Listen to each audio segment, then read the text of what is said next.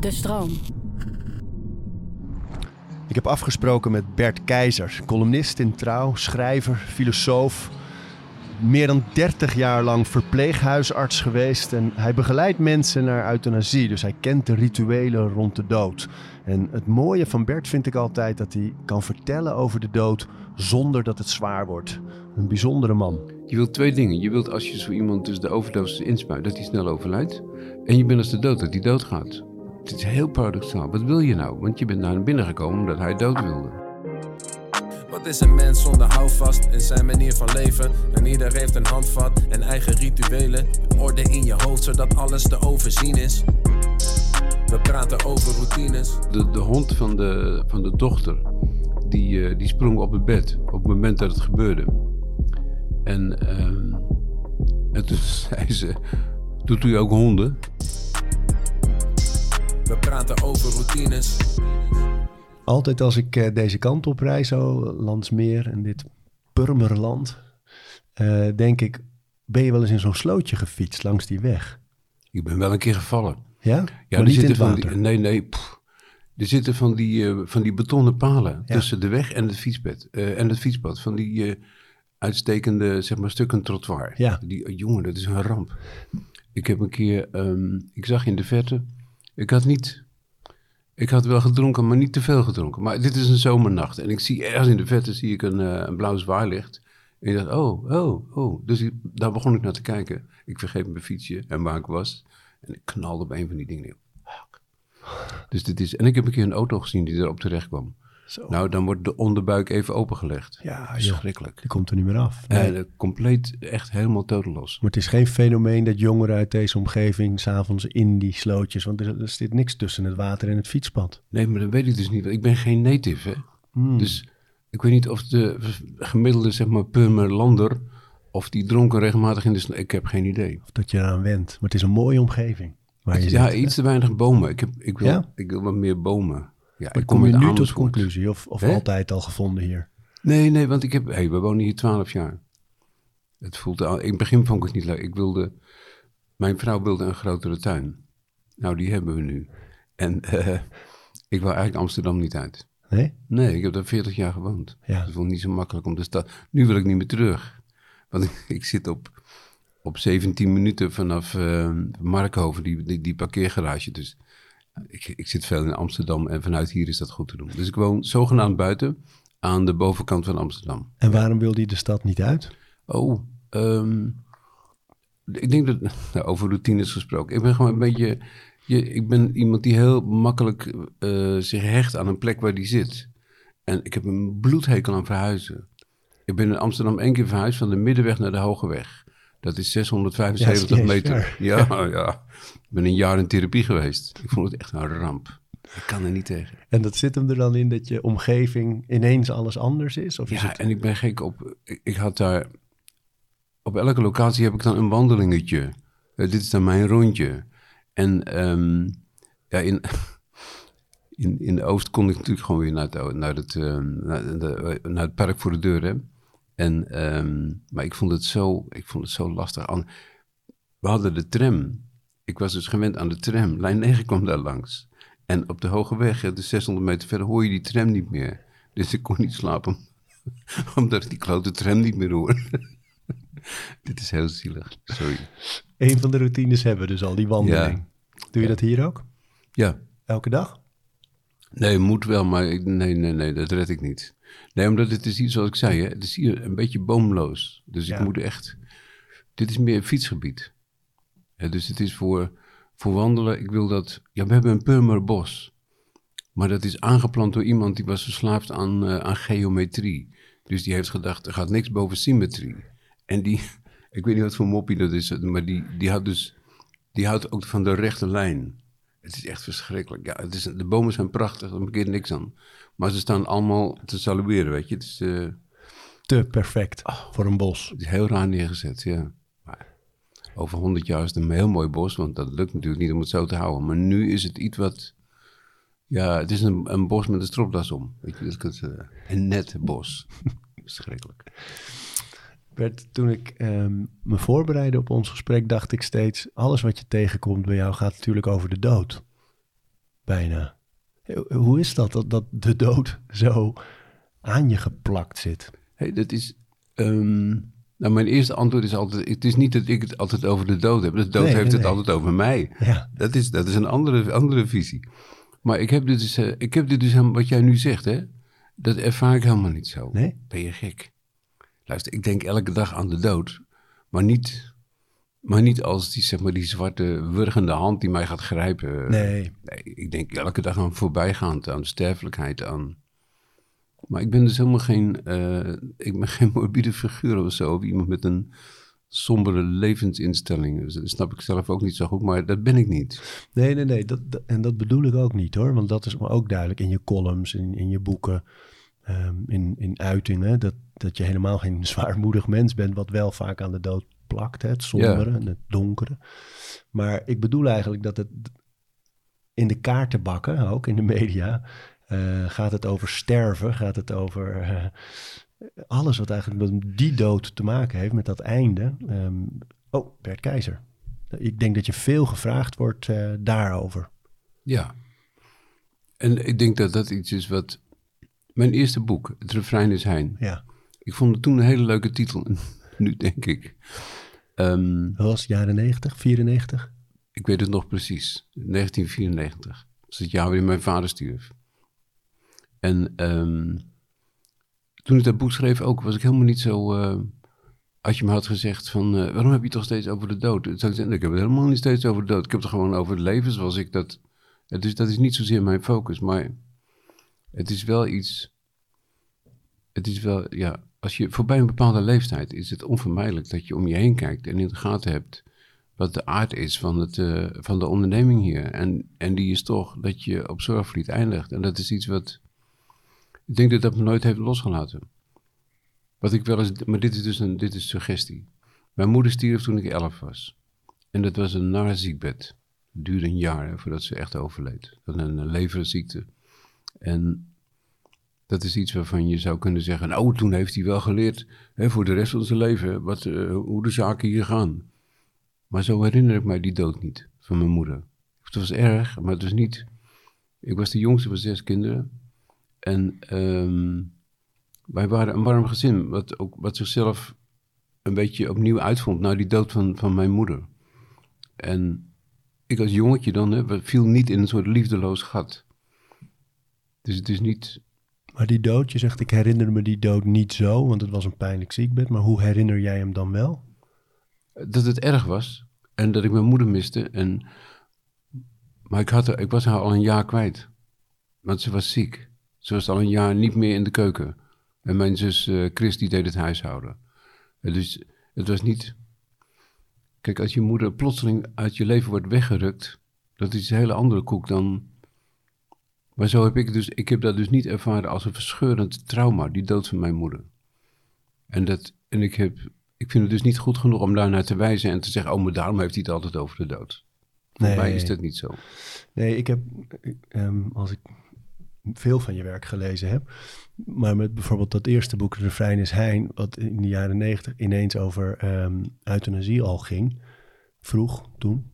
Ehm, en waarin eigenlijk beschreven werd als een bijna vanzelfsprekende, eh, vanzelfsprekend deel van je werk in zo'n verpleeghuis. Je was verpleeghuisarts ehm, en begeleidde mensen bij het sterven en beschreef dat daar ook heel erg in. En, en daar kwam dan natuurlijk kritiek op van mensen die zeiden, oeh, eh, mensen moeten blijven leven, niet doen, niet doen. Maar ook heel veel steun vanuit de medische wereld van mensen die het herkenden en zeiden, ja, dit is hoe het gaat. Ja.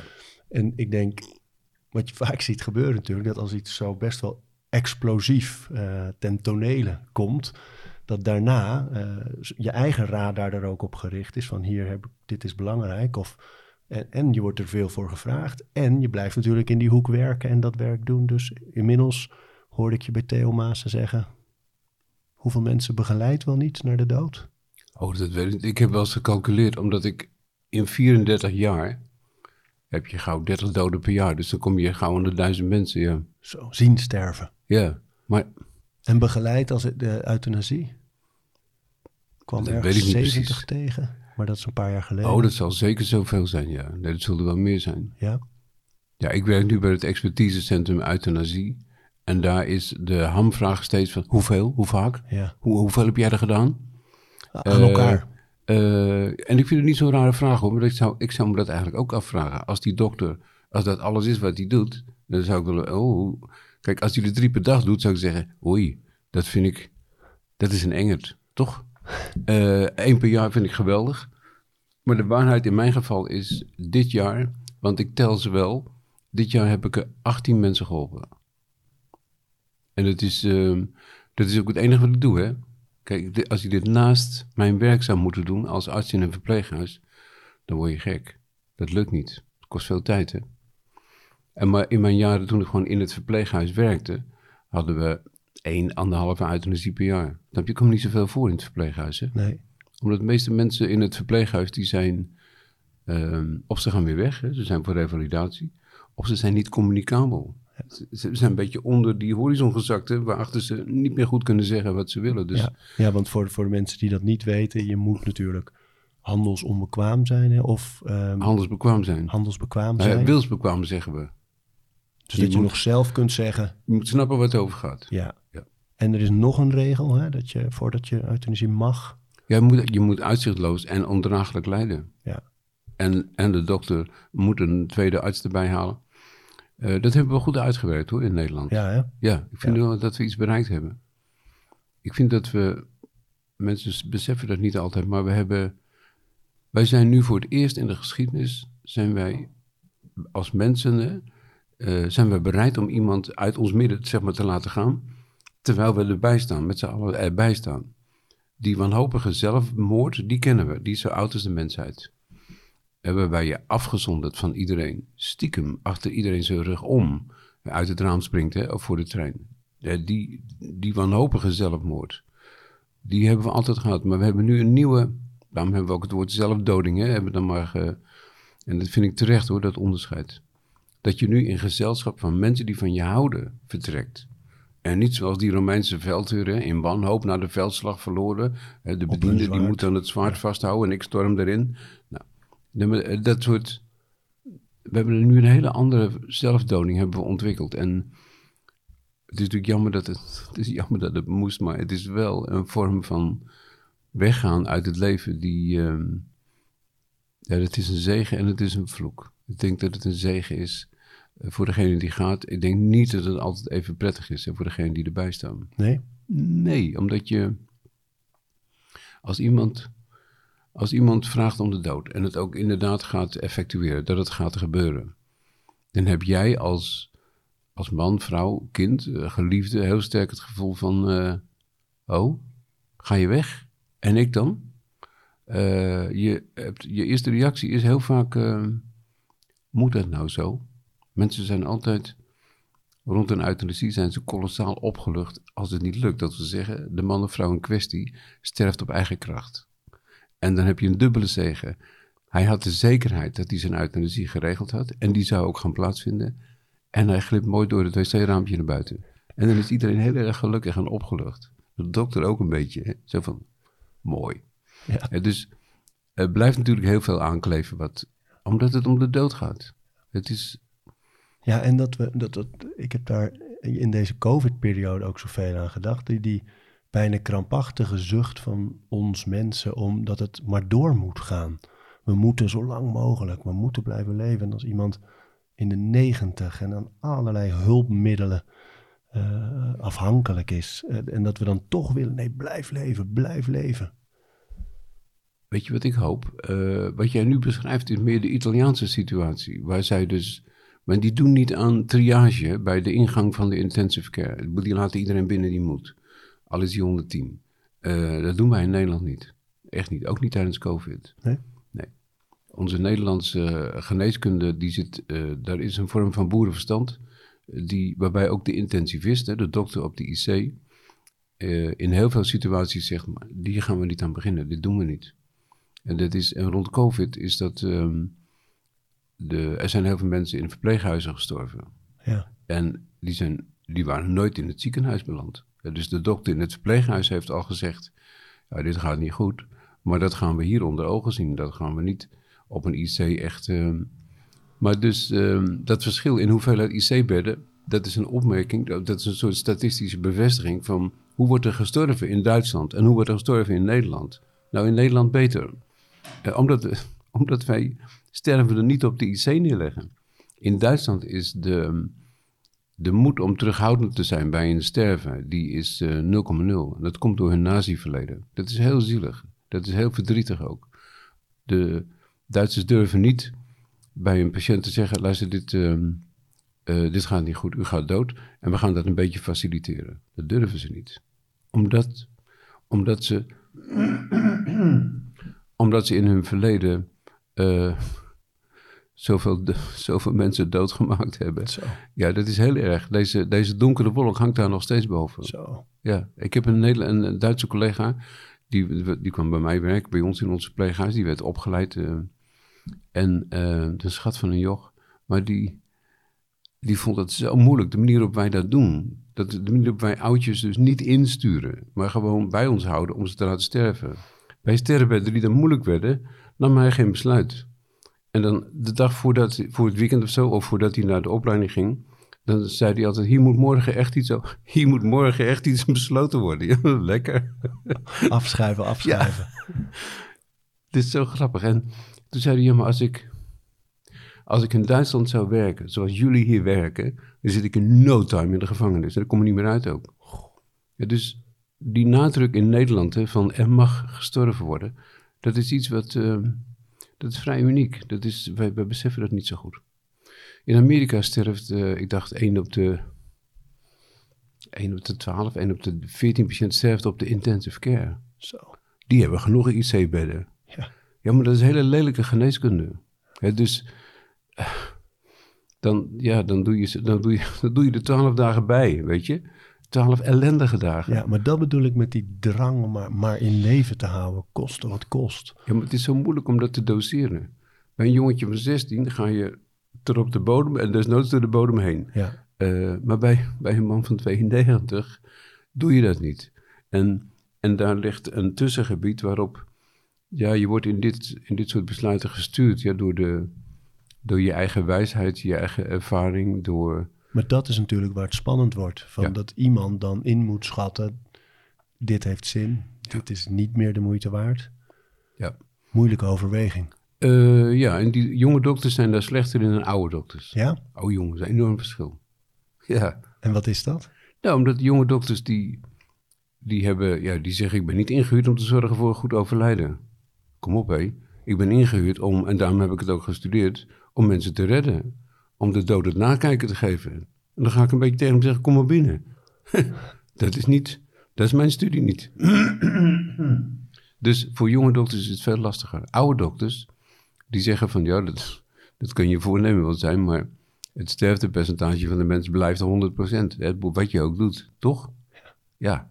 En, ehm, en die zijn dus wat, die durven, die durven eerder te zeggen, geneeskunde kan hier niks. Is dat waarom jij het bent blijven doen na je pensioen?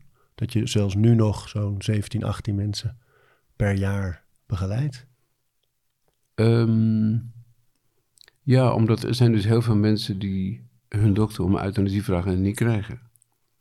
En dan, ja, heel veel artsen. Euthanasie is gedoe, ook in emotioneel opzicht. Dat eh, weet ik wel. Maar er wordt ook wel lichtvaardig geweigerd. Weet je, op onheuse gronden. Ja. Ja, dat doktoren zeggen van, weet u wel dat ik in de gevangenis kan belanden? Dat is kwatsch. Dat is- is helemaal niet zo. In de afgelopen 40 jaar is in Nederland niet één arts één minuut in hechtenis geweest wegens een gemelde euthanasie. Ja, En met dus- emotioneel gedoe bedoelen ze dan dat, dat je er toch bij bent en het mogelijk maakt dat iemand uit het leven glijdt. Angst. Nee, de, emo- de Angst. emotie is angst. Angst om iemand eh, naar de andere kant te helpen. Het is ook doodeng. Ja, maar kun je, want je hebt het al beschreven. ehm, maar de allereerste keer dat, je, dat jij deed, dat, dat was totaal anders natuurlijk dan nu. Oh ja. Kun je, die, kun je me meenemen naar dat moment toen? Die eerste keer. De allereerste keer? Eh, ja, die man die vergeet ik nooit. Die was, ehm, hij was een suikerpatiënt. Hij had eh, twee bovenbeensamputaties. En ehm, hij rookte nog steeds. En hij, ehm, je zag dat niet in de rolstoel uit, met twee goede kunstbenen. En dus in de rolstoel zag je gewoon een man met... Uh, maar s'avonds als hij zijn protheses afdeed, dan was hij een soort boeddha, weet je. Het is nauwelijks een onderlijf. Dat is een leuke vent. Hij heet uh, Antonius Albertus en ik heet Albertus Antonius. ja. Maar die man die, um, die zit in het verpleeghuis vanwege zijn, uh, zijn beenloosheid. En die, um, die zei op een gegeven moment tegen mij: um, Dit is een 75-plusser. Toen was, was dat heel oud. En hij zei: Ik heb me nog nooit zo oud gevoeld. Ik heb, nou, ik heb een nieuw gevoel, namelijk een nieuw ellendig gevoel, dat ik heel oud ben. Dat had hij nooit. Een, een soort innerlijke vermoeidheid. Straalde hij ook uit. Hij was duffer. En um, toen hebben we een foto laten maken en dan bleek hij een uh, longkanker te hebben. En toen zei hij, nou dok, dok, zei hij tegen mij. Dan weet jij het wel. Ik zei, Hoe, uh, hoezo? Dan weet ik het wel. Ja, ik wil dood. Ik wil dat jij mij helpt. Nou, lekker. Dit is 1984. En dus je kon toen, je kon toen moeilijk... Uh, op dit moment wist je niet goed hoe je moest doen. Om even vooraan te beginnen. Nee, er was geen internet waar je even een, een tutorial op kon, nee, jongen, kon dat is echt heel vervelend. Op een gegeven moment was er een Nederlandse anesthesist, Piet Admiraal. Die heeft toen een brochure gemaakt met uh, gewoon medicamenteuze aanwijzingen. Eerst dat spuiten, dan dat spuiten, dan dat spuiten. En die, medi ik, die medicijnen had ik via, via een bevriende apotheker. Die wilde wel helpen. Die snapte het ook wel. En uh, mijn collega's in het verpleeghuis, die, uh, die stapten allebei weg. Zo van, ik, we zaten met z'n drieën in dat huis, maar die stapten allebei opzij. Zo van, als, ja, ga jij doen, maar uh, ik vind het goed. Ik kijk de andere kant uit. Die kwamen niet, die zeiden niet van, oh spannend, ik hou je vast. Maar meer van, poeh, een soort mijnenveld, hè. Loop jij maar voor ons uit. Dat jij de lucht in vliegt, nou, dan weten wij dat we dat nooit moeten doen. Dat was een beetje de... Dus ik vond dat wel eng. Maar ik vond het ook ik vond het voornamelijk eng, omdat de justitie was ik eigenlijk niet zo bang voor. Weet je, dat, ik dacht, ach nou. Maar ik was veel banger voor het feit dat ik die man zijn dood moest bezorgen. Dat vond ik, dat vond ik eng. En wat precies daarin dan? Ja, omdat je die dood is onomkeerbaar. Je kunt dus na afloop, bij euthanasie kun je nooit na afloop vragen van, dit is toch wat je wou, hè? Weet, snap je? Je kunt bij elke andere medische ingreep kun je na afloop kun je vragen, ook als je het verkeerd gedaan hebt, hè, kun je zeggen sorry. Maar bij euthanasie kan dat niet. Er is geen, geen evaluatie. Na afloop zegt iedereen, dit is wat hij wilde. En dan denk ik, ja, maar degene die dat zou moeten zeggen, die zegt het niet. Ja, nee, die is doodkeizer. Ja, oké, ik snap het. Nee, maar dat is... En het feit dat er, je wilt... Je wilt twee dingen. Je wilt als je zo iemand dus de overdosis inspuit, dat hij snel overlijdt. En je bent als de dood, dat hij doodgaat. Het is heel paradoxaal. Wat wil je nou? Want je bent naar binnen gekomen omdat hij dood wilde. Nou, jij regelt het. En het duurde vrij lang, maar ik had het verkeerd toegediend. Ik had het niet, uh, niet in het vat, maar in de spieren gespoten. God, dan duurt het veel langer. Dus dan zit je daar op de grond, twee huilende dochters erbij. En ik zat me te wachten, maar hou nou op met ademen, hou nou op met ademen. Dan heb ik het goed gedaan. Uh, dus dat duurde veel te lang. Goed, op een gegeven moment hield hij dan op met ademen. En toen, uh, ik heb wel eens gezegd, ja, als daar een camera boven had gehangen, dan zag je dus die twee dochters. Ik zei dus, ik luister naar die man, ik hoor geen hartslag meer. Ik zei, nou, hij is overleden. Waarop die dochters elkaar snikkend in de armen vallen. En de keizer die staat op in die situatie uh, met, ben ik bang, een enorme glimlach op mijn gezicht. Zo van, yes, het is gelukt. ik heb het, Opgelucht. Ik heb de andere oever gehaald. Idioot, hè? Ja. Maar ik vond het wel, uh, hij was een lieverd, hè.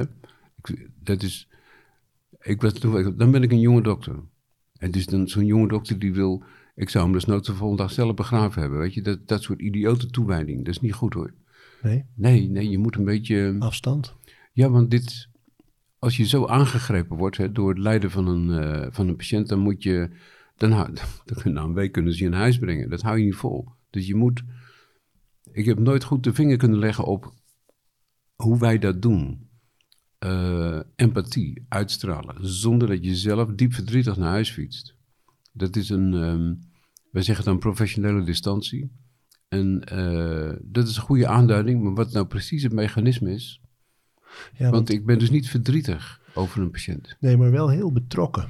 En, en ehm, tenminste als je dit verhaal zo vertelt en daar nu dus mee doorgaat, dan je helpt wel echt mensen. Dus Ja. daar zit een soort betrokkenheid. Die lijkt me moeilijk inderdaad om dat dan weer los te laten. En keer op keer toch een emotionele band misschien zelfs te hebben. Ja, wat wij doen met, ehm, met het expertisecentrum is dat je maakt kennis en dan je gaat een soort traject door samen met degene die dood wil en de kinderen of de echtgenoot. Er is altijd een clubje omheen, altijd. En dan, is, dit is echt een traject. En als het dan klaar is, dus de man of vrouw is overleden, de schouwarts is geweest en dan stappen wij weer in de auto, gaan we weer. We werken altijd met z'n tweeën, een dokter en een verpleegkundige. Dan zeggen de mensen heel vaak, en ik begrijp dat gevoel heel goed, zien we jullie nou nooit meer? Ja. Dan denk ik, ja, dat, is, dat snap ik. Want je hebt zelf je hebt samen een soort poolexpeditie doorgemaakt, hè? Ja, En maar dan, je hoeft niet op eh, de verjaardag te komen. eh, de eerstvolgende van de ja, het is echt iets waarbij ze denken van, eh, moet het zo, moet, moeten we zo uiteen? Dat is wel grappig, ja. Ja, maar moeilijk ook. En er zijn twee rituelen die nu eh, eh, opdoemen. Namelijk het, het ritueel echt van, ehm, van de euthanasie. Hè? Ehm, wat zijn daar de stappen? Dus wat, wat gebeurt er op het moment dat jullie al, neem ik aan, in zo'n kamer zijn, familie eromheen? Je bedoelt echt de laatste scène. Ja, Dat is altijd een, een van de moeilijkste aspecten daarvan is dat je een tijdstip afspreekt. Dus je zegt, wij komen om 11 uur. En, moet je, en, dat moet je afspreken, want anders weten, weten de, de zoons en de dochters niet hoe. Hè, dus, en ons advies is altijd aan de familie om, ehm, om als wij binnenkomen, om afscheid te hebben genomen. Dat lukt bijna nooit. Dus het is, om 11 uur hebben we afgesproken, maar we zijn dan tien voor 11. Niet om tien over elf. Dat vind ik echt ondoenlijk. Dus je bent te vroeg. Wat ik bij het, het infuus is al aangelegd. Dat gebeurt intraveneus. Eh, dus ik heb niet in mijn zenuwen, hoef ik niet een infuus te plaatsen. Dat heeft een want die heb jij dus nog wel. Nee, dat doe ik niet. Nee, die zenuwen bedoel ik. Ehm, ja, ik ben wel gespannen, ja. Nou, niet, eh, ik slaap prima. Ehm, vroeger niet. Toen ik zo'n eerste euthanasie bij die man die ik net beschreef, doe ik geen oog dicht. Nee, echt waar. Leg je de hele nacht. eh, ik heb allerlei dromen dat het verkeerd gaat en zo, weet je. Of dat je iemand een injectie geeft en dat er. Ik heb echt gedroomd dat ik een, de dodelijke injectie geef.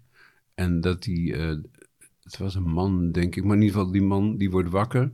Wordt wakker na mijn injectie. En zegt: eh, Nou, je wordt bedankt. En in de kamer daarnaast is een soort is een party aan de gang. Goede muziek.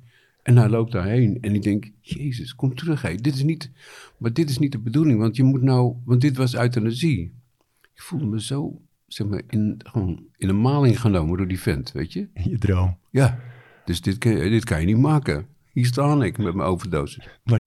Deze aflevering van Overroutines wordt aangeboden door Squarespace. Een alles-in-één platform waar je je eigen website kunt bouwen en beheren. Het maakt niet uit of je producten, diensten of je passie met de wereld wil delen. Het kan allemaal bij Squarespace. Ik noem even kort drie handige functies van het platform. Met het ontwerpsysteem kan je makkelijk je website vormgeven en het helemaal eigen maken. Squarespace analyseert hoe je website presteert en wat er voor nodig is om je bedrijf online verder te laten groeien. En ook kan je abonnementen en exclusieve content aanbieden aan betalende leden. Start nu je gratis proefperiode via squarespace.com slash overroutines. En ben je klaar om je website echt te lanceren? Gebruik dan de code overroutines. Dan krijg je 10% korting op je eerste aankoop van een website of domein. Terug naar die, naar die, naar die stappen. Wij komen afspraak. binnen en dan, ehm, ik heb, eh, het zijn vijf spuiten. En die is een beetje ingefilmd, dus het is allemaal niet zo. Ik zorg dat de, je hebt van tevoren ook besproken met de familie, waar gaat u dood? Wij hebben het liefst in bed. Eh, je kunt in de stoel, maar als je in de stoel, als je dat doet, dan heb je het risico dat je op een zeer onelegante wijze ineenzijgt. Dat, is- dat is niet prettig. Dus je probeert het een beetje zo te doen dat eh, een divan kan wel heel goed. Dat mensen een beetje liggen, zodat als ze hun hoofd laten zakken, dat er een kussen is waar je dat op kunt neervlijen. Dat is een, dus daar moet je, daar, kijk, je moet niet een stoel waarin ik nu zit, hè, met nauwelijks een leuning rechtop, dat moet je niet doen. Want dan glijden ze uit. En dat is heel, dat is heel vervelend, je niet. Dus dat heb je van tevoren afgesproken. U gaat op die divan of in die stoel met een brede ding. Je hebt van die stoelen, die kun je kantelen, ook goed. Ehm, dan zeg je, hebben jullie afscheid genomen? Nee, zeggen ze dan. Nou, dan gaan ze dus toch afscheid nemen. Dat is, dat is heel moeilijk, omdat ik, ik sta daar dus bij als ehm, eh, zeg maar, priester op de achtergrond hè, van de viering. En dan in het, op het, in het centrale gedeelte. Mensen, ja, iedereen, iedereen is dan huilend. En degene die, die gaat, die, die huilen nooit. Die huilen nooit. Ik vind dat zo grappig. Waarom niet? Omdat die nergens heen gaan. Ja, die hebben niet het idee, zometeen ben ik ze allemaal kwijt. Want zometeen niks. Dat hebben ze al lang besloten en, en Maar degene die afscheid neemt, die weet, zometeen is hij er niet meer. dit, is, dit is een hele, twee werelden. Ja. Ik heb ook nog nooit iemand meegemaakt die, ehm, die als ik binnenkom, zeg maar verdrietig zuchtte, oh god, daar is hij, nu gaat het gebeuren. Bijna eerder blij? Eh, altijd opgelucht. Zo. Altijd een gevoel van, uh, kom maar. En, en, en je zei er zijn vijf spuiten, maar is, is het dan dus ook zo dat je alsgene uh die gaat sterven een deel dus ziet en voelt? Ja, je hebt een. Um, je spuit eerst een verdovend middel, omdat. Dat, kijk, wat je inspuit is een slaapmiddel. Een ouderwets slaapmiddel, barbituraten. En die geven slaap. En die um, geven uiteindelijk ademstilstand. Maar dan ben je al diep in slaap en dan stop, stopt je adem. En daarna spuit je nog een spierverslapper. Dat is een beetje academisch, maar dat is helemaal het protocol. Dat hebben we afgesproken. Dus die spierverslapper die komt daarna en dan kun je niet meer ademen. Maar die spierverslapper mag je alleen maar toedienen als je zeker weet dat de man of vrouw in kwestie zeg maar diep onder zeil is. Dus, uh, en die, uh, de ervaringen van wat mensen meemaken als uh, sterven op die manier is gewoon narcose. dus je, je kunt ze geruststellen op dat punt. Het is voor u geen nare toestand. Wij, wij sterven elke avond, dat wil niemand horen, maar elke avond ga je dood. Echt. Even, ja. Ja, als je niet meer wakker wordt s morgens. Kijk, er is nooit een moment, als je in bed ligt s'avonds, er is nooit een moment waarop je zegt, hé, hé, ik slaap. Want dan ben je nog wakker. Zo is er na de dood ook nooit een moment waarop je kunt zeggen, eindelijk ben ik dood, want dan ben je nog levend. Dus je maakt helemaal niks mee. Het is, eigenlijk is het ontzaglijk saai. Ja. Maar voor degene die erbij staan, is het uh, is het overlijden ook geen. Kijk, iemand gaat dood, maar het visuele spektakel, wat je dus ziet, is iemand die rustig ophoudt met ademen en die zijn ogen half sluit of helemaal sluit. Uh, dat is alles, snap je, dat, dat, het, is, het is nogal dramaloos. En het is, je, ik kan altijd met, met de zekerheid tegen de familieleden zeggen: het is voor jou geen afschuwelijk schouwspel. Het is een afschuwelijke gebeurtenis, maar wat je dus te zien krijgt. Dat je, het is niet. Nee, het is eigenlijk als slaap. Uh, ja.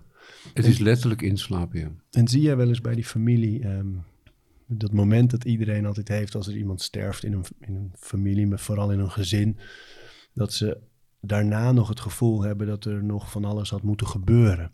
Dus bijvoorbeeld, mijn eigen vader was uh, afgelopen zondag, uh, was eeuwigheidszondag. En dan herinnerden ze de, de, de doden ook. En, en uh, hij raakte heel erg ontroerd. Zelfs toen hij mij aan de telefoon, FaceTime, daarover vertelde, moest hij huilen. Uh, omdat hij aan zijn moeder, zijn vader, zijn broer, zijn zus dacht. En toen vroeg ik, en wat was dat? Waar zit die ontroering dan in? En toen zei hij, ja, het, is de relatie en, en uh, hoe die misschien ook nog had kunnen zijn. Of wat ik misschien nog anders had moeten doen. Um, maar ook het fijne van dat dingen die je hebt meegekregen. Er zat heel veel emotie.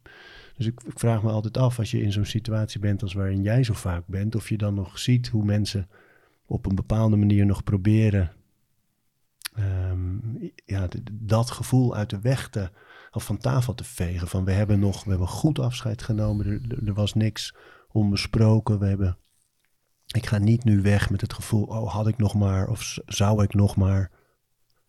Nee, meestal zijn mensen. meestal zijn mensen, maar ja, ik zie ze dus in het acute moment, hè, onmiddellijk na het overlijden.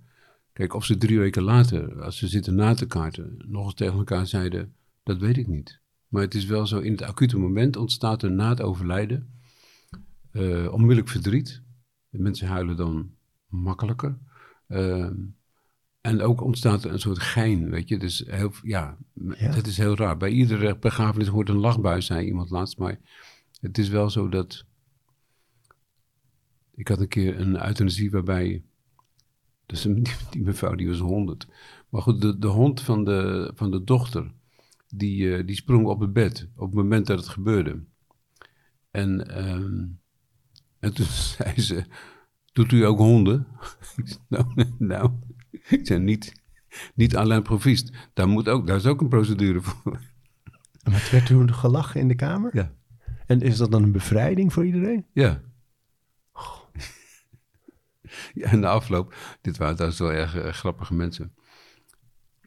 Na afloop, je zit na te praten bij het dode lichaam. En ehm die er dan nog heel vers dood uitziet. Hè? Dit, is niet, dit zijn geen vervelende lijken. Als iemand net is overleden, zien ze er nog goed uit. Hè? Dus die van het is net of ze slaapt, is een terechte opmerking, maar zo zien ze er ook uit.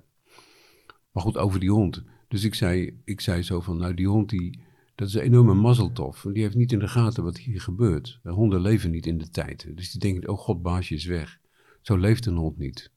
En dus ik zei, in een, in een volgend leven hè, wil ik best wel terugkomen als, eh, ja, als hond eigenlijk. Bij een, Labrador. baasje, hè, bij een baasje dat goed voor me zorgt.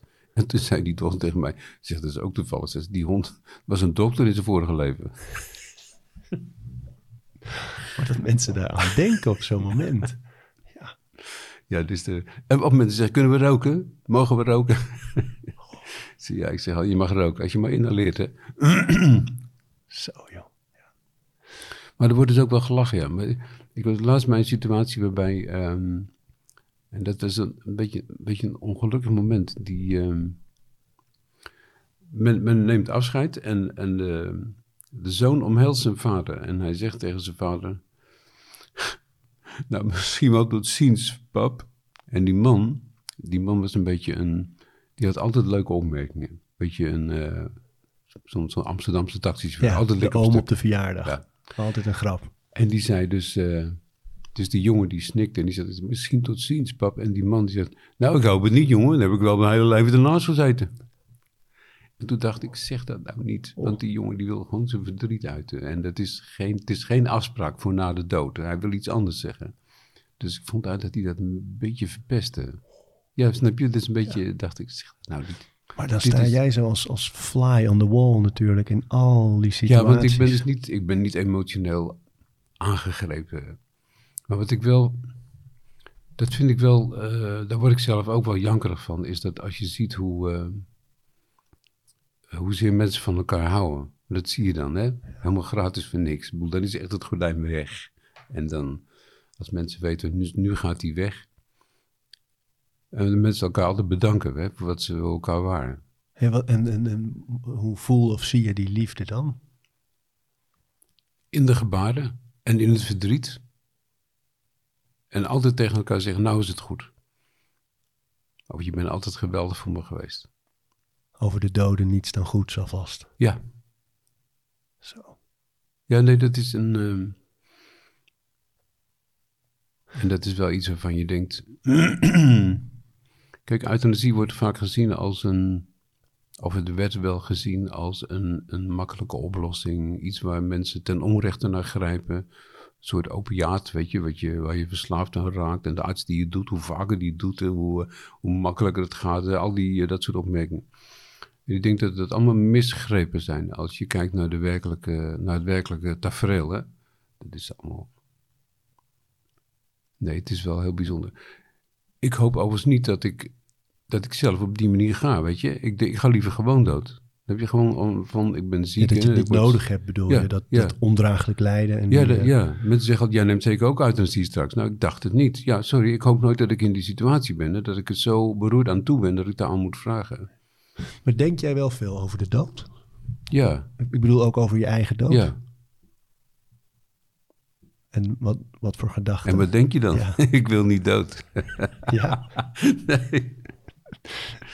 Nee, want ik, ik hoop dat ik als ik dood ga, dat ik, ehm, dat ik precies zo vermoeid ben, hè, dat, het, eh, dat het min of meer klopt met mijn geestelijke en mijn lichamelijke toestand. Ik denk dat niks is erger dan voor je tijd sterven. Ja, maar wat is voor je tijd? Dat werd geen hond. Maar de meeste mensen die... ehm, mijn vader was 87. Slechte longen en in het, op het laatste stukje toch nog even in de handen van de artsen geweest... die het eh, behoorlijk eh, hebben verpest. Maar die, die, was tevreden met zijn leven, had een goed leven gehad. En eh, hij, hij zei het ook vaak, hè, van eh, als ik morgen dood wakker word, is het goed. In zijn laatste jaar gaf hij dat ook steeds. Hij zou nooit om euthanasie vragen. Een hele vrome katholieke man, die zou dat nooit doen. Maar die, ehm, die ging dood, misschien iets te laat, misschien één jaar te laat. Maar aan het, aan het einde van een lange rit hè, kwam dat karretje mooi knarsend tot stilstand. En dat is, denk dat vind ik wel, ik snap dat wel. Ik zat laatst in, een, eh, in de de Zwijg met Marlie Huijer, de, eigenlijk de Denker Ja. des Vaderlands. Ja, en haar we ook werd, in de serie gehad. haar werd gevraagd van, eh, wat denkt u van de dood? Eh, En Marlie zei, ik vond het heel aandoenlijk. Ze zei, nou, ik hoop eigenlijk dat ik, ehm, dat ik wat, wat, wat langzamer word en wat, eh, misschien ook een beetje suffer en wat minder actief en, en, en niet meer zo energiek. En dat ik op een hele geleidelijke, acceptabele manier ook voor mijn omgeving, dat ik, dat ik mooi uitdoof. eh, Dat ik, en- Uitdoof. ja, dat zat ze zo te vertellen, zonder enige vorm van, eh, zeg maar, jonge mannen opstandigheid. Ik vond het eigenlijk zo aandoenlijk dat ze dat zei. Toen ik hier eh, naar de voordeur liep, kwam ik langs je, je werkkamer, denk ik. Elke muur helemaal vol met boeken. ja, maar ik heb ze niet geschreven hoor. En nee, maar wel gelezen misschien. Ja. Eh, eh, Over dat ritueel, hè? op welk moment van de dag lees je? Heb je vaste tijden Ja. daarvoor? Ja? Ik heb, ehm, ik probeer, ik kan s'avonds niet goed schrijven, dat gaat niet. Ja, dus ik, schrijf- ik schrijf 's ochtends. En eh, ja, soms als het moet, maar nee, nee, dat gaat niet zo goed s'avonds. Ik kan het niet zo goed verklaren eigenlijk. Dus ik kan s'avonds wel een plan opzetten, maar niet, nee, nee. Ik kan, dus ik schrijf ze in de ochtend. En dan, ehm s'avonds zit ik, ik doe, ik schrijf brieven, ik mail met mensen, of ik correspondeer met mensen. En dan om half elf zo ongeveer, dan ga ik lezen. Tot half twee. Ik ga een beetje terug naar mijn studentenschema. We gaan laat naar bed en laat op. Hoe laat? Meestal half twee, twee uur ga ik naar bed. Zo. Ja. Hé, hey, ik ben met pensioen. Ja, dat kan gewoon. Ja. En hoe laat sta je dan dus op? Acht uur later. Ja, half tien, tien uur. Ja, de, tuinman die hier rond op de show zegt... Wat een leventje heb jij, hè? Ik een beetje... Ik zeg, ja, jongen, je hebt geen idee. Ik heb tot twee uur in de nacht zitten werken. Wat niet waar is. Nee, maar dus... ehm, op die manier kan ik ongeveer drie uur per dag lezen. En het lezen, hoe gebruik je dat? Eh, ik lees nu Jonathan Franzen, ehm, Crossroads. En dat gebruik ik gewoon omdat ik wil lezen. Maar die biografie van eh, Willem van Oranje komt eraan. Ehm, ik heb wel... eh, ik, ik lees altijd met... ehm, ik heb altijd pen in de hand. Ja, het is heel zielig dit. En dan zet ik hoekjes bij passages die belangrijk zijn. Die ik nog moet citeren, uit mijn hoofd leren. Of ik heb wel... Ik heb wel boeken van, eh, zeg maar, die ik 30 jaar terug las. En die ik nog eens eh, nodig heb, of nog eens even inkijk. En dan kan ik wel, omdat ik dat gedaan heb, die hoekjes zetten. Van dit is een belangrijk passage, let op Bert. Ehm, kan ik heel snel zo'n boek doorroetsen. hè. En eh, dat werkt wel. En dan zit het er allemaal weer. Eh, ja. Doe Maar- je veel van dat soort ehm, technieken eigenlijk? Want ik weet dat je ook heel veel met eh, dementie bezig bent. Ehm, dat je jezelf eigenlijk traint om scherp te blijven. Nee. Nee? Ik denk dat het volgens dat use it or lose it, hè, is het Ja. eh, devies. Ik denk dat het kwats is. Dat is wel onzin. Nee, je hersenen zijn geen spier. En waarom doe je dan die, dat, dat markeren? Dus dat is, dat allemaal om eventueel in een column te gebruiken? Of in Nee, weet je waarom dat is? Omdat ik steeds beter wil worden. Nee, echt. Omdat ik, steeds- ik ben aan het studeren. Ik heb, ik heb een 7, moet een 8 worden. Ik moet dus dit, dit moet ik niet vergeten. Dit is citeerbaar. Of dit is. En voor wat? Ik moet dit niet. Weet ik niet. Ik moet steeds. eh, ik moet steeds vooraan in de klas blijven zitten. Het is heel zielig dit, maar dat heb ik echt. Ja, van, Maar eh, je noemt het zielig, maar ervaar je het als juk of is het fijn? nee, jij vindt het zielig, maar ik Nee, probeer nee, nee, wel. jawel, hallo. ik zag het in je ogen. Nee, je dacht. Je dacht, oh god, ik dacht dat wij normaal mensen op bezoek waren. Maar we zitten. Nee, weet je wat? Het is, het is nog erger. Ik herken het. ik vind het heerlijk. Ik ben. Nee, maar altijd. Dan zal je ook dit hebben: dat als je een boek leest. en, het, en je, die zit er niet meteen in. dat je hem toch wil afmaken. Ja, ik voel me altijd heel erg schuldig. Ja, als, ik een dus boek, als ik een boek eh na 55 bladzijden, als het nog steeds niks is, hè, Ik denk, oh god, kan ik dit maken? Kan ik hem al weg? Ja, maar kan voor ik, wie? Kan ik haar al weg, wegleggen? Voor wie? Ja, ik vind het, nee, dat is eh, voor niemand. En toch is dat een hele merkwaardige verantwoordelijkheid. Ja. Ja. Mijn nachtmerrie is dat ik een nieuw boek koop, wat, wat ik nog echt nog niet gelezen heb, waar de hoekjes al in staan. Dat is link. Dan ga ik in God geloven. Je had volgens mij van eh, Sartre en Camus. Volgens mij was het. Wie stierf er het eerst van die twee, weet jij dat? Ze waren tijdgenoot.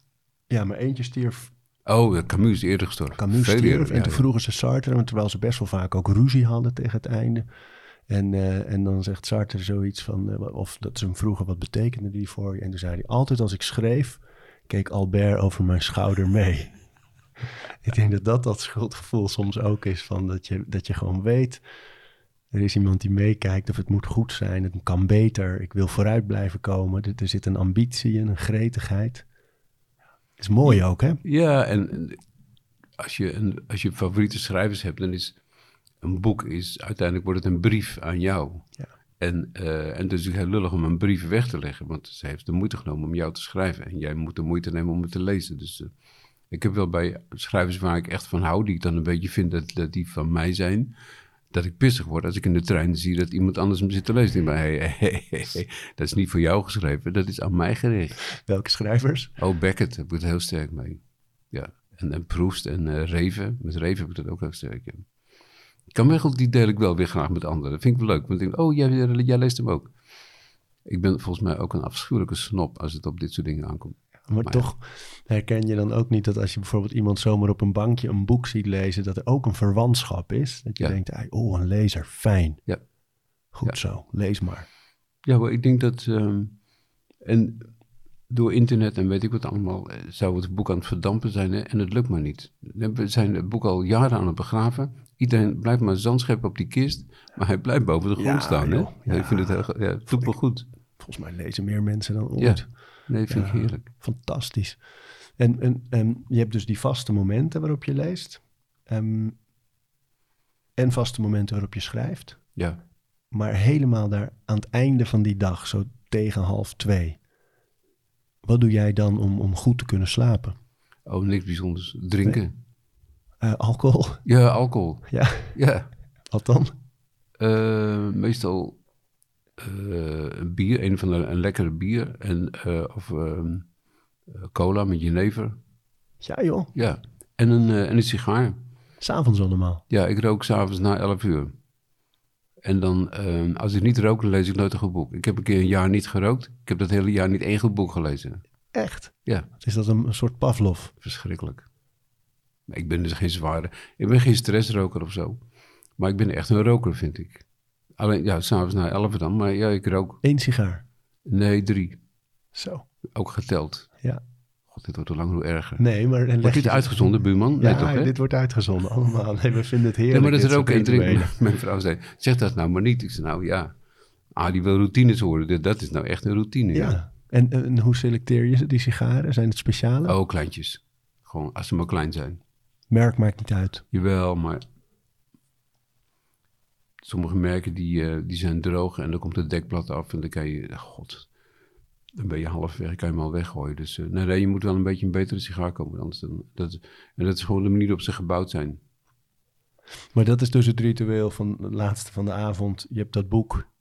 Lees je daar niet. Daar lees je ook bij. Ja, nee, nee, dus ik lees het doordat ik naar bed ga, ja. Ik lees niet in bed. Kan ook niet, want mijn vrouw ligt al in bed. Die slaapt al wel eerder. Ja, maar ik gaat in naar bed. Staat ook eerder op. Ja, Veel eerder, zo te zien. veel eerder. Dus we hebben het wandelen, wat wel als een, als een ritueel is, een routine. Het schrijven, het lezen, de sigaar. Zijn er nog andere dingen? Ja, maar dit zijn routines, die zijn zo saai. Dat heeft, eh, iedere, iedere hond heeft dat ook. De manier waarop je jezelf aankleedt. Ja. En de volgorde met afdrogen. Eh, snap je, dat soort... Die zijn niet leuk om over te praten, die zijn saai. Nou, vertel eens die afdrogen dan. Nee, Nee, nee. maar dan ga ik het met mezelf vergelijken. Want nu je het zegt, ik begin bijvoorbeeld altijd met mijn rechtervoet. Ja, dat is helemaal verkeerd, Arie. Ja? Sorry, ik wist niet dat je... Dat is helemaal verkeerd. Oh god. Kom Hoe maar. oud ben jij? Moet ik je nou nog leren hoe je moet afdrogen? Kennelijk. Niet tussen de je moet tenen bovenaan vergeten. beginnen met je hoofd. Ja? Ja. Want zometeen ga je met die handdoek naar je kruis. Ja. En je hebt je kruis natuurlijk wel helemaal goed schoongemaakt, maar niet goed genoeg. Dus je wilt niet met die handdoek die je zo meteen gebruikt om je kruis uit te vegen. eh, daar wil je niet mee. Nee, echt niet. Dus dat is, wat jij doet is echt helemaal verkeerd. En Dus je begint begint je met voet. het hoofd. Dus die, en die voetschimmel, die, die verplaats je nu over je hele lichaam.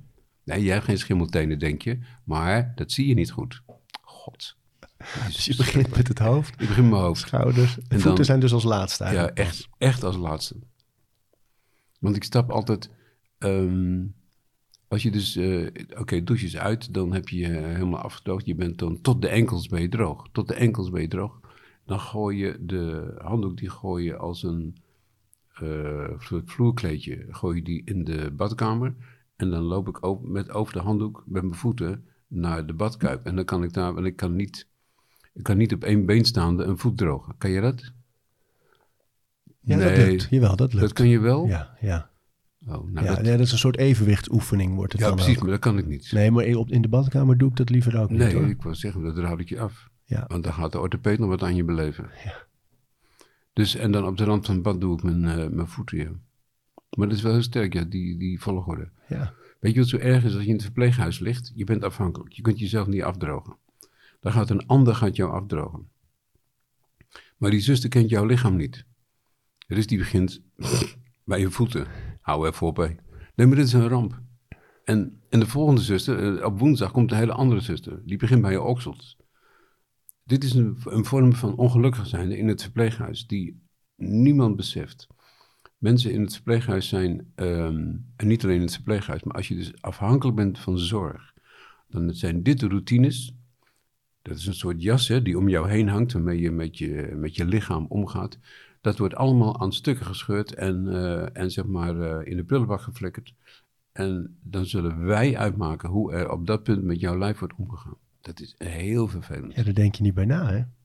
Nee, jongen, daar denken we buitenstaander. absoluut niet bij na. Het is, eh, maar het is iets wat. Daarom zijn continuïteit in, in zorg voor mensen. Dat is, het, dat is het, de sleutel, de magische sleutel tot, tot kwaliteit in de zorg. Zo min mogelijk zieken en zo min mogelijk verschillende zusters aan het, dok, aan het bed. Zo min mogelijk dokters aan je lijf. De moderne huisartspraktijk beginnen te zeuren nou, hè? Oude mannetjes gaan zeuren. Nee, maar de moderne huisartspraktijk heb je op dinsdag dokter Jansen en op woensdag heb je dokter Pietersen. Terwijl mensen willen die relatie, dat ene gezicht. Mensen, iedereen wil die ene dokter die zegt, ik blijf voor jou, blijf ik dokteren. Dat zoekt iedereen. Dat is de eerste kwaliteitseis. En het lukt niet meer. Jammer? Maar in het verpleeghuis is dat dus, die persoonlijke verzorging van je lijf, echt op je lijf, mensen die aan je huid zitten, dat die, dat, continu door iemand anders gebeurt. Soms veel te ruw ook. Mensen klagen vaak over, eh, die zuster is altijd zo hard met me. Niet, niet vanuit haar hart met een thee, maar ze duwt me altijd zo, zo, zo woest om. Want je wordt omgeduwd als je dat zelf... Nee. Afhankelijk zijn is een... ehm, dus zorgafhankelijk zijn is een ramp. Dat, dat is bijna niemand die dat aan kan. Ik zit eigenlijk sinds je vertelde over, eh, over de euthanasie en dat je dat nu nog eh, best wel vaak ook doet, steeds af te vragen waarom eigenlijk? Waarom eh, doe je dat nu zo ruim na je pensioen nog steeds? Ik ken ehm, op de eerste plaats omdat ik, eh, omdat ik niks anders om het lijf heb. Dat klinkt een beetje lullig, maar dat is gewoon zo. Ik heb geen vrienden en geen hobby's, zeg ik altijd. Eh, ik kom mijn dag wel door, maar ik wil graag... Ik ben een hulpverlener en dat is een, eh, soort verslaving aan nodig zijn. Dus graag iets voor een ander betekenen. Vroeger heette het naaste liefde, tegenwoordig is het zelfexpressie. Maar het, is iets heel anders dan... Het is dus niet een... eh, God, wat geweldig dat hij dat nog doet hè, op zijn leeftijd. Het is gewoon onzin. Het is, ik, ik doe het graag en ik weet dat ik het kan. Ik heb de ervaring. Hè, dus ja, het is iets waar ik wel... Ja, ik kan dat wel. Dus eh, dat is de reden waarom ik het doe. En het is geen liefdewerk oud papier, het wordt betaald. Als ik het niet betaald werd, deed ik het ook. Maar het is niet zo dat ik het geld onmiddellijk terugstuur naar Amnesty. Hè, dus ja. Ja, mensen zeggen altijd, god, wordt u betaald? Ja, er is niks is zo goedkoop als een overleden patiënt. Dus de zorgverzekeraar die dekte de euthanasiekosten. Daar zitten ze niet mee. Maar het is vooral dit, ehm, dit gevoel van, ehm, ik wil ergens nodig zijn. Ik kan daar iets bieden. Dit is een, uh, daarom doe ik het. Ja, dat is belangrijk, denk ik. Hè? Er, het gevoel hebben ertoe te doen en, en nuttig te kunnen zijn. Ja, dus natuurlijk als je, er is heel veel filosofie voor nodig om het echt in je dag te redden met alleen maar tuinieren en lezen. Ja, dat zal het wel even uitdraaien. Het houdt een keer op. Maar ik wou dat nog wel even uitstellen, ja. Ik probeer eigenlijk steeds niet meer pensioen te gaan. Dat lukt je goed. Ja. Nou, Prachtig nieuw werk weer. Die verzamelbundel. Hoe helpt poëzie? En volgens mij een dichtregel van Herman de Koning. Hè? Ja. Met hele mooie gedichten allemaal over dood, rouw, zorgen. Uh, dus je blijft wel bezig. Nog één ding vraag ik me af, waar jij misschien iets over kunt zeggen, is... Um, ik praat soms heel voorzichtig over de dood uh, met mijn vader. Een van de mooiste dingen die hij heeft gezegd op een gegeven moment is... toen ik vroeg hoe wilt u begraven worden... Um, dat hij zei, um, hij heeft vijf kinderen, een dochtertje is een nakomer, maar vier zoons. En dat het hem zo mooi zou lijken om als de vier zoons zijn kist droegen. En um, dat vond ik al zo'n heel mooi beeld. En ik weet dat het begraven wil worden en niet gecremeerd. Uh, ook waar. En toch ben ik zelf best wel vaak bang nog dat ik uh, dingen onbesproken laat. Of dat ik nog iets uh, meer er moet zijn, meer moet doen. Zijn daar, heb je daar handvatten voor eigenlijk? Van hoe je nou die gesprekken goed aan kunt gaan. Of hoe je ervoor kunt zorgen dat je ja, voldaan die laatste fase ingaat samen. Ik denk het belangrijkste is dat er over gepraat kan worden. Het is, uh, wij, hebben, wij praten wel over de dood, hier in ons gezin. Dus mijn dochter weet precies wat ik wil. En uh, mijn vrouw weet dat, ik weet het ook van mijn vrouw. Omdat we er herhaaldelijk over praten. Dus de muziek wordt weer bijgesteld en uh, of er komen weer nieuwe suggesties voor de muziek. Nee, maar begrijp, dus het is wel een... een uh, en nu dat mijn vrouw kanker heeft, is het hele ongewis, omdat die, het gaat nu goed, maar ja, sorry, kanker is een lasso, zeg ik altijd. Die hangt om je nek en wat voor sprongen je ook maakt, die krijg je niet meer los.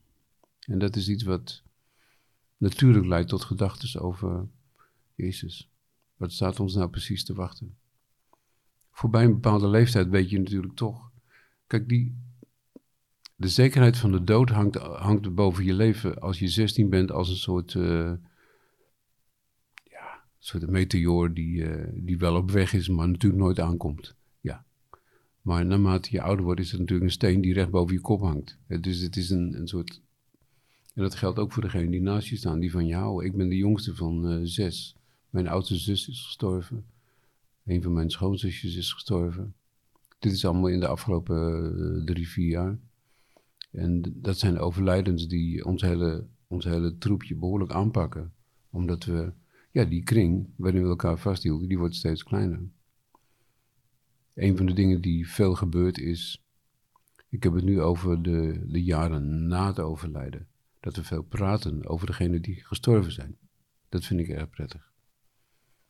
Er staat in die bundel die je hebt samengesteld een heel mooi gedicht van Mark Tritsmans. Uh, dat gaat over die gedachten. Dus dat, dat je soms het gevoel hebt, omdat mensen in gedachten nog zo bij je kunnen zijn, uh, dat ze daar min of meer door doorleven. En uh, er staat een heel mooi treffend regeltje over dat een nieuwe grap of, of een nieuwe eigenschap, die ontwikkelen ze niet meer. Maar verder zijn ze er nog heel erg, hè, als ze in gedachten bij. Dat vond ik zo mooi. Maar dat, dat praten over de dood, dat doe je voordat iemand gestorven is. En die, die traditie die zet zich voort nadat ze overleden zijn. Dat ligt een beetje in elkaars verlengde. Een vriend van mij, Olaf, is gestorven aan longkanker. Ik zeg drie jaar geleden, maar ik weet niet eens precies wanneer die overleed. Dit is vrij recent, hè? Olaf is een leeftijdsgenoot.